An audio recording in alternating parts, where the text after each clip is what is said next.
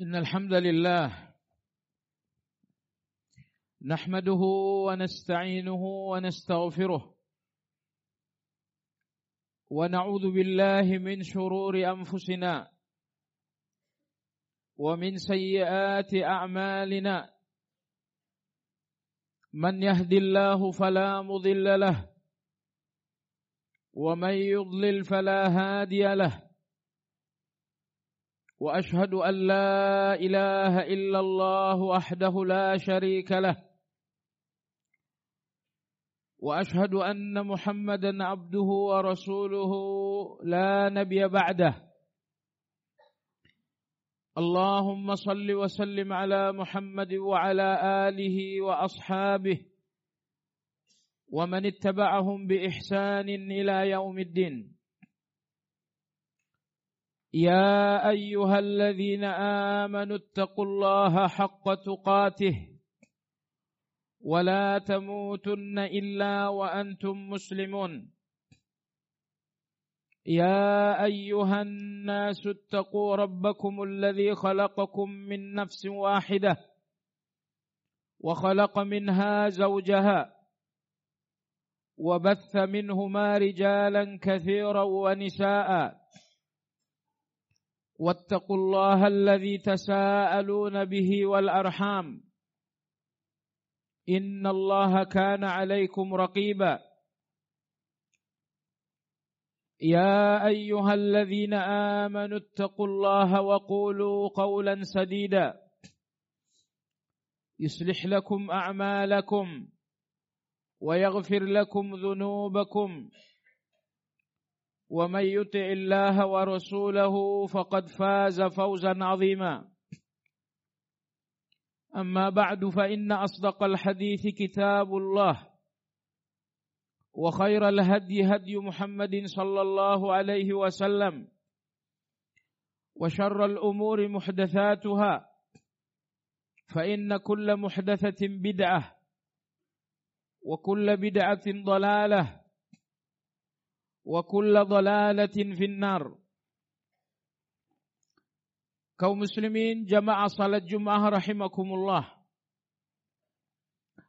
Allah Subhanahu wa taala bercerita tentang Nabi Yusuf alaihi salam pada ayat yang ke-24 dalam surat Yusuf tersebut Allah Subhanahu wa taala berfirman Walaqad hammat bihi wa hamma biha لولا أن رأى برهان ربه كذلك لنصرف عنه السوء والفحشاء إنه من عبادنا المخلصين dan sungguh wanita itu sangat menginginkan perbuatan keji dengan Yusuf. Wahamma biha. Dan Yusuf pun menginginkan perbuatan yang sama dengan wanita itu. Laula ar-ra'a burhana rabbih. Sekiranya Yusuf alaihi salam tidak segera melihat tanda kekuasaan Allah, pastilah terjadi. Kadzalika linasrifa anhu su'a wal fahsya. Demikianlah kami jadi jauhkan Yusuf dari kejahatan dari dan kekejian.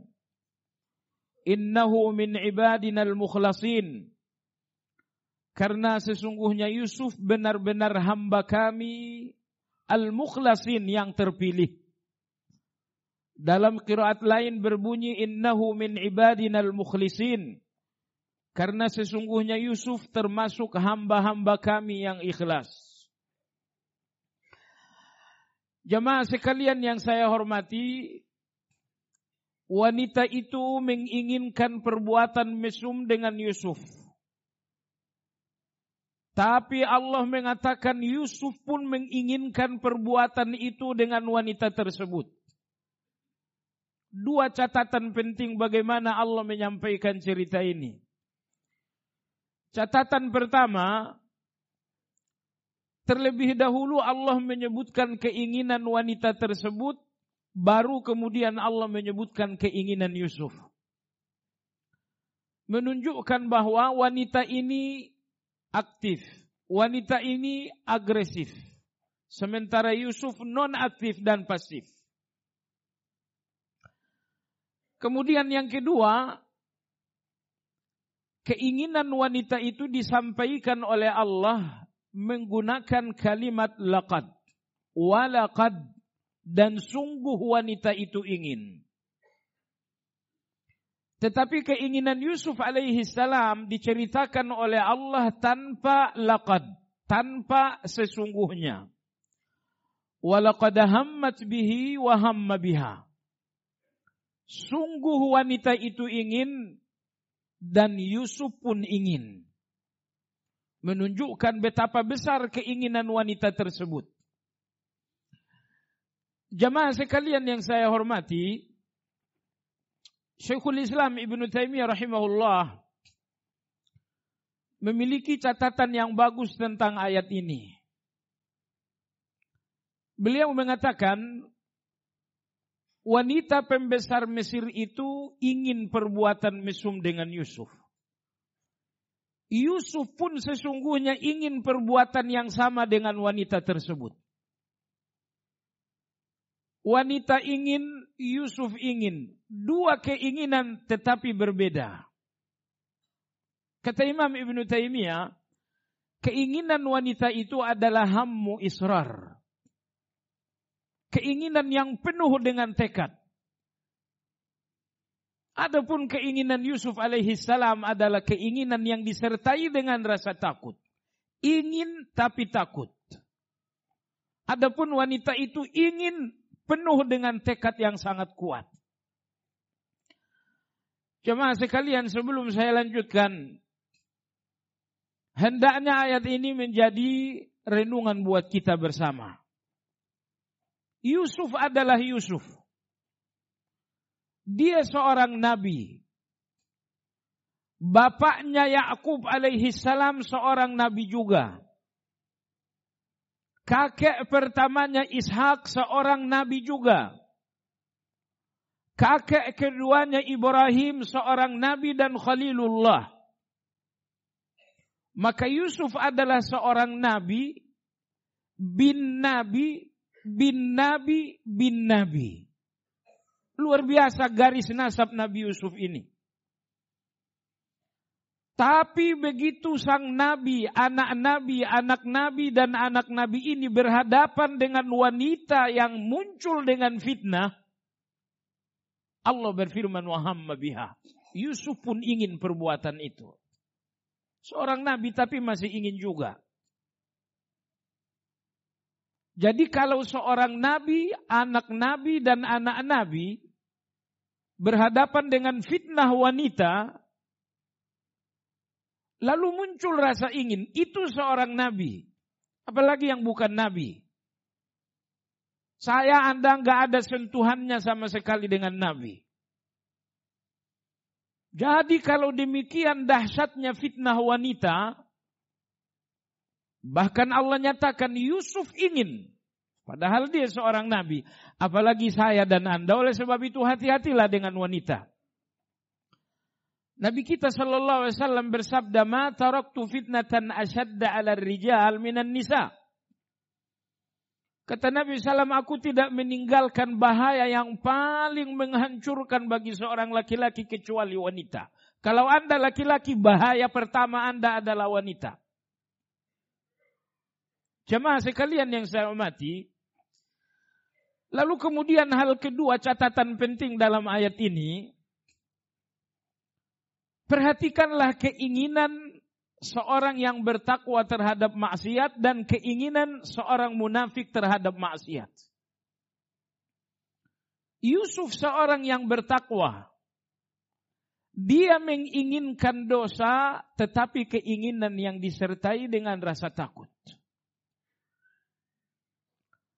Sementara wanita pembesar Mesir ini tentu saja nggak punya keimanan. Maka dia menginginkan dosa dengan keinginan yang penuh dengan tekad dan bersikeras.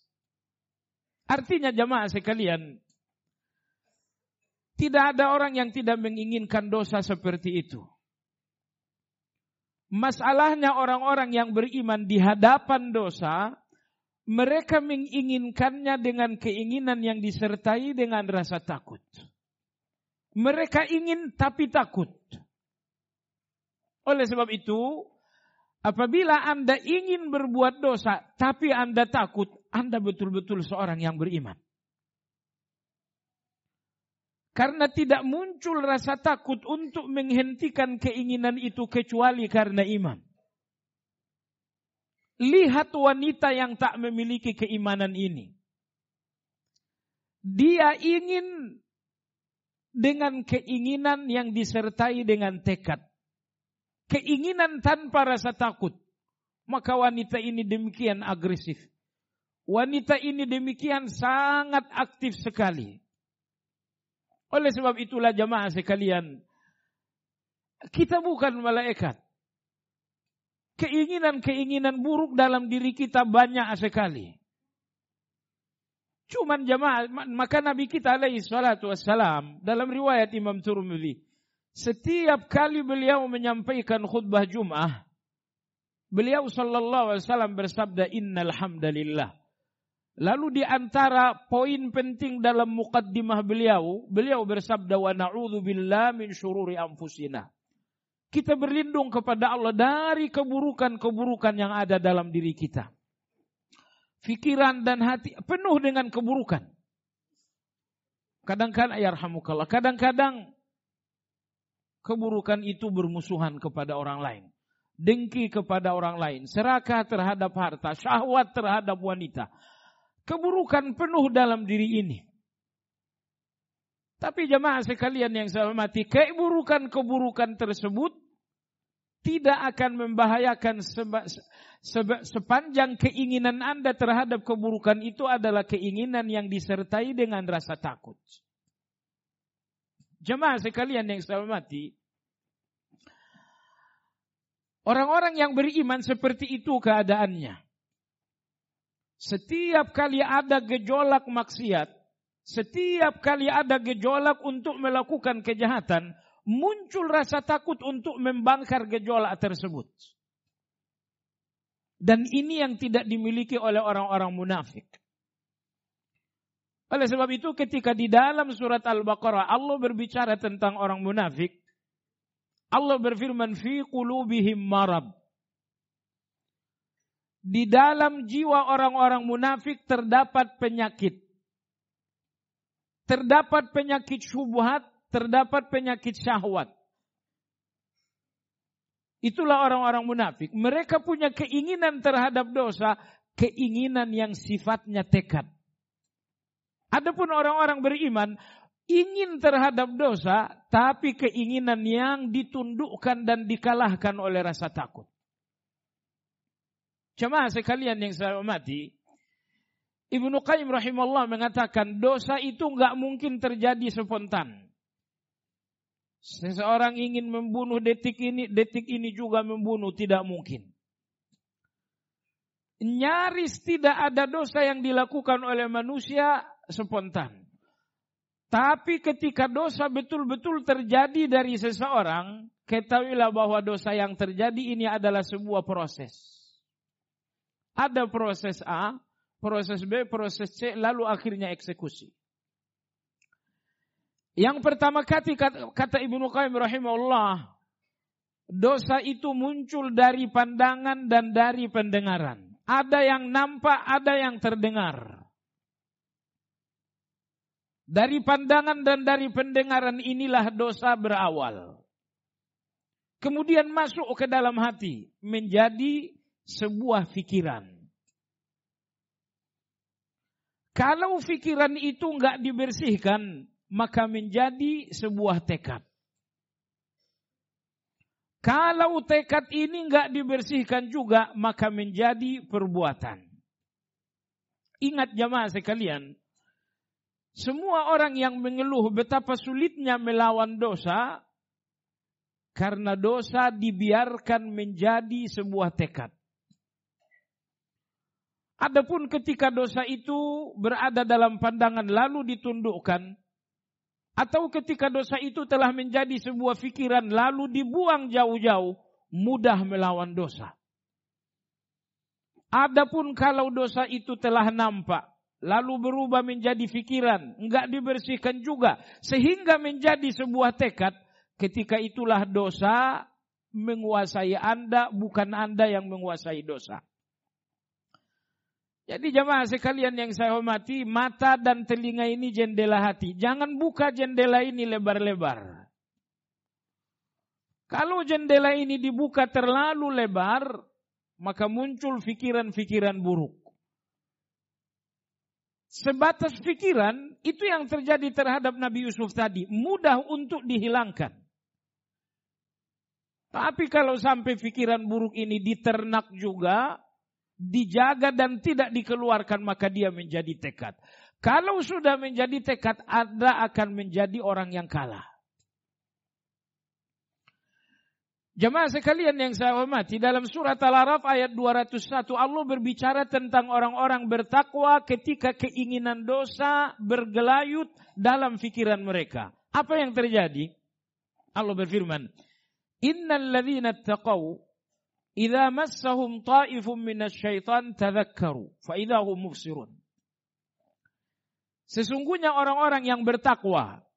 Coba dengarkan bagaimana Allah memperkenalkan orang bertakwa. Anda baru selesai puasa, janji Allah bahwa puasa dan Ramadan ini menghasilkan takwa. Sekarang dengarkan seperti apa orang bertakwa kata Allah tabaraka wa taala. Innal ladzina taqaw Sesungguhnya orang-orang yang betul-betul bertakwa. Idza massahum ta'ifum minasyaitan. Apabila telah ada bisikan setan dalam fikiran mereka. Cuma sekalian, fikiran ini musuh. Apabila terisi dengan fikiran-fikiran buruk. Sebelum saya lanjutkan, coba antum renungkan surat Al-Falaq dan surat An-Nas. Semua kejahatan di luar diri Anda hanya ada empat. Min syarri ma khalaq, wa min syarri ghasiqin idha waqab, wa min syarri nafathati fil uqad, wa min syarri hasidin hasad. Hanya ini empat kejahatan di luar diri Anda. Ketika Anda berlindung kepada Allah dengan dari empat kejahatan ini, Anda dibimbing berlindung dengan rububiyah. Qul a'udhu bi rabbi Adapun kejahatan dalam diri Anda adalah waswasil khannas. Ketika Anda harus berlindung dari waswasil khannas, Anda dibimbing berlindung dengan tiga asmaul husna sekaligus. Qul a'udhu birabbin nas. Belum cukup malikin nas. Belum cukup ilahin nas. Min syarril waswasil khannas. Agar Anda tahu bahwa keburukan-keburukan dalam pikiran ini bahaya. Makanya dalam zikir pagi dan sore, tiga kali Anda membacakan Allahumma. Alimal ghaibi wa syahada. Fatiras samawati wal ard. Rabba kulli syai'in wa malikah. A'udhu bika min syarri nafsi. Aku berlindung kepadamu dari kejahatan dalam diriku. Kembali kepada surat Al-A'raf, innal ladzina taqaw idza massahum ta'ifum minasyaitan. Menurut kiraat-kiraat lain idza massahum taifun minasyaitan. Orang-orang bertakwa apabila mereka telah merasakan was-was, mereka merasakan keinginan dosa, mereka merasakan pikiran untuk melakukan sebuah dosa, tazakkaru. Mereka segera berzikir. Faidahum mubusirun. Lalu zikir itu kemudian membuka kesadaran mereka, mengembalikan kesadaran mereka. Perhatikan jemaah sekalian, senjata dahsyat Anda apabila muncul pikiran buruk, segera berzikir kepada Allah Azza wa. Yusuf alaihi salam dalam cerita tadi ayat 24 surat Yusuf dibujuk rayu oleh wanita nomor satu di Mesir. Nomor satu cantiknya, nomor satu pula perawatannya. Inilah wanita yang membujuk rayu Yusuf. Bagaimana Yusuf selamat? Yusuf selamat dengan zikir. Warawadathu allati huwa fi baitiha. Wa ghallaqatil abwab. Wa qalat haytalak. Wanita itu menutup pintu, membujuk Yusuf. Dia berkata, Yusuf lakukanlah. Jawaban Yusuf sebuah zikir, ma'adallah. Aku berlindung kepada Allah. Maka jamaah sekalian yang saya hormati, zikir ini benteng yang sangat kokoh. Sepanjang Anda memilikinya dan memperbanyaknya, hati Anda bersih, pikiran Anda bersih. Orang-orang munafik, pikiran dan jiwanya penuh dengan rencana-rencana dosa. Penyebab utamanya mereka nggak punya zikir. Perhatikan dalam surat Al-Baqarah, munafik-munafik ini Allah bicarakan jiwanya. Allah bilang, fi kulubihim marad. Hati mereka penuh dengan penyakit. Permusuhan, kedengkian, serakah, syahwat, dendam. Kenapa hati mereka penuh dengan penyakit ini? Allah jawab dalam surat An-Nisa. Allah Subhanahu wa taala berfirman, "Wa idza qamu ila sholati qamu kusala." Munafik ini kalau salat hatinya berat. Jadi jangan sampai ragu lagi. Setiap kali salat terasa berat, 100% Anda seorang munafik. Berdasarkan ayat surat An-Nisa ini, "Wala yura'unan nas." Kemudian munafik selalu riak dalam berbuat baik secara khusus salat. Maka Ibnu Duqaim rahimahullah dalam kitab Madarijus Salikin. Beliau mengatakan tingkatan salat itu ada lima. Tingkatan salat yang paling buruk adalah salat maksiat. Allah Akbar. Kadang-kadang dosa, salat itu menjadi maksiat bagi seseorang. Di tangan siapa salat ini menjadi maksiat? Jawabannya di tangan orang-orang munafik dilakukan dengan hati yang berat, itu pun untuk tujuan ria. Berikutnya, kenapa orang-orang munafik memiliki hati yang penuh dengan penyakit? Jawaban berikutnya, wala yadhkurunallaha illa qalila. Orang-orang munafik ini sedikit berzikir. Sedikit berzikir. Jadi kalau Anda zikir, zikirnya pun sedikit, itu zikir munafik. Adapun zikir orang-orang beriman adalah zikir yang banyak. Ya ayyuhalladzina amanu udhkurullaha dzikran katsira. Hai orang-orang beriman berzikir kepada Allah sebanyak-banyaknya. Kalau Anda berpikir munafik enggak punya zikir Anda keliru. Tetapi zikir orang-orang munafik kata Allah wala Allah illa qalila. Zikir mereka kepada Allah sedikit sehingga hati mereka enggak bersih. Hati mereka berpenyakit. Setiap Jumat kita mendengarkan imam membacakan ayat yang berbunyi, "Qad aflaha man tazakka wa dzakara rabbih fasalla." Sungguh beruntung orang yang membersihkan jiwa. Dengan apa? Zakara asma rabbih fasalla. Dengan zikir dan memperbanyak salat. Sepanjang Anda memperbanyak salat sunnah, anda pun memperbanyak zikir, mustahil Anda menjadi seorang munafik. Dua hal ini yang tidak dimiliki munafik sehingga fi qulubihim marad. Sehingga hati mereka penuh dengan penyakit.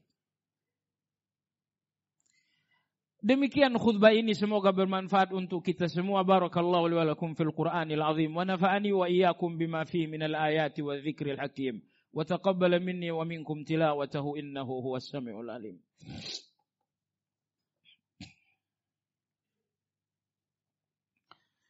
الحمد لله حمدا كثيرا طيبا مباركا فيه كما يحب ربنا تبارك وتعالى ويرضى وأشهد أن لا إله إلا الله وحده لا شريك له.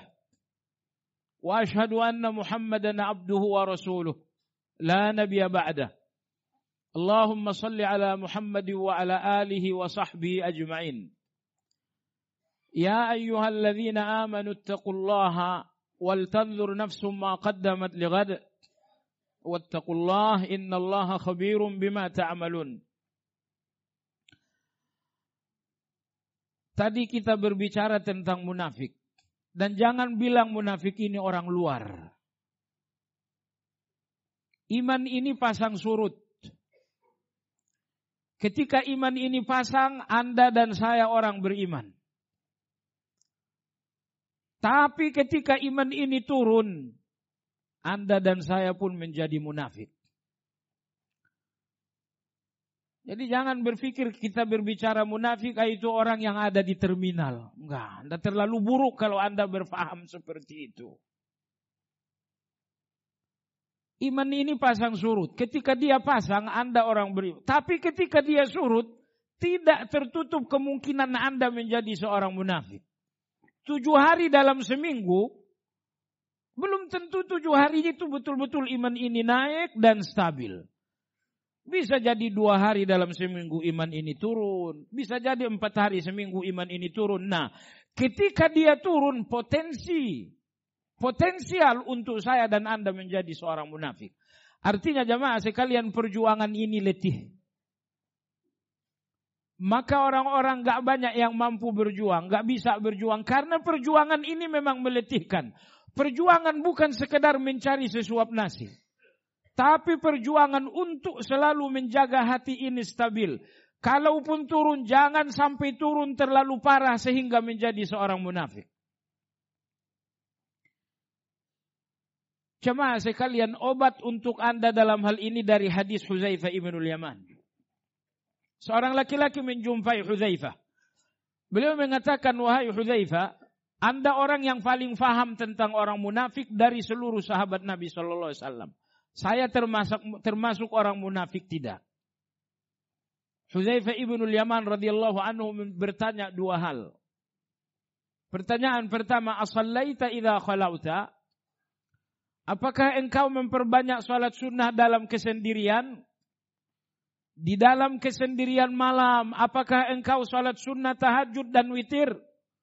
Di dalam kesendirian siang, di dalam kamar dan ruangan, apakah engkau melakukan salat sunnah duha? Apakah di dalam kesendirianmu engkau melakukan banyak salat-salat sunnah? Laki-laki ini mengatakan naam, iya. Pertanyaan yang kedua, wahal istaghfarta idza aznabta? Apabila engkau berbuat dosa, munculkah penyesalan yang membuatmu istighfar? Laki-laki itu mengatakan iya. Aku berusaha dalam kesendirian memperbanyak salat sunnah. Selesai berdosa pun aku istighfar untuk menyesalinya. Hudzaifah ibnul Yaman radhiyallahu anhu mengatakan, "Idhhab fama ja'alaka Allahu minal munafikin." Kalau begitu pulanglah, kau bukan seorang munafik. Dua lagi masalah. Setiap orang yang memperbanyak salat sunnah dalam kesendirian, dan memperbanyak istighfar atas dosa-dosa, Anda memiliki dua hal ini, Anda bukan seorang munafik insyaallah taala. Allahumma salli ala Muhammad wa ala ali Muhammad kama sallaita ala ali Ibrahim innaka Hamidum Majid.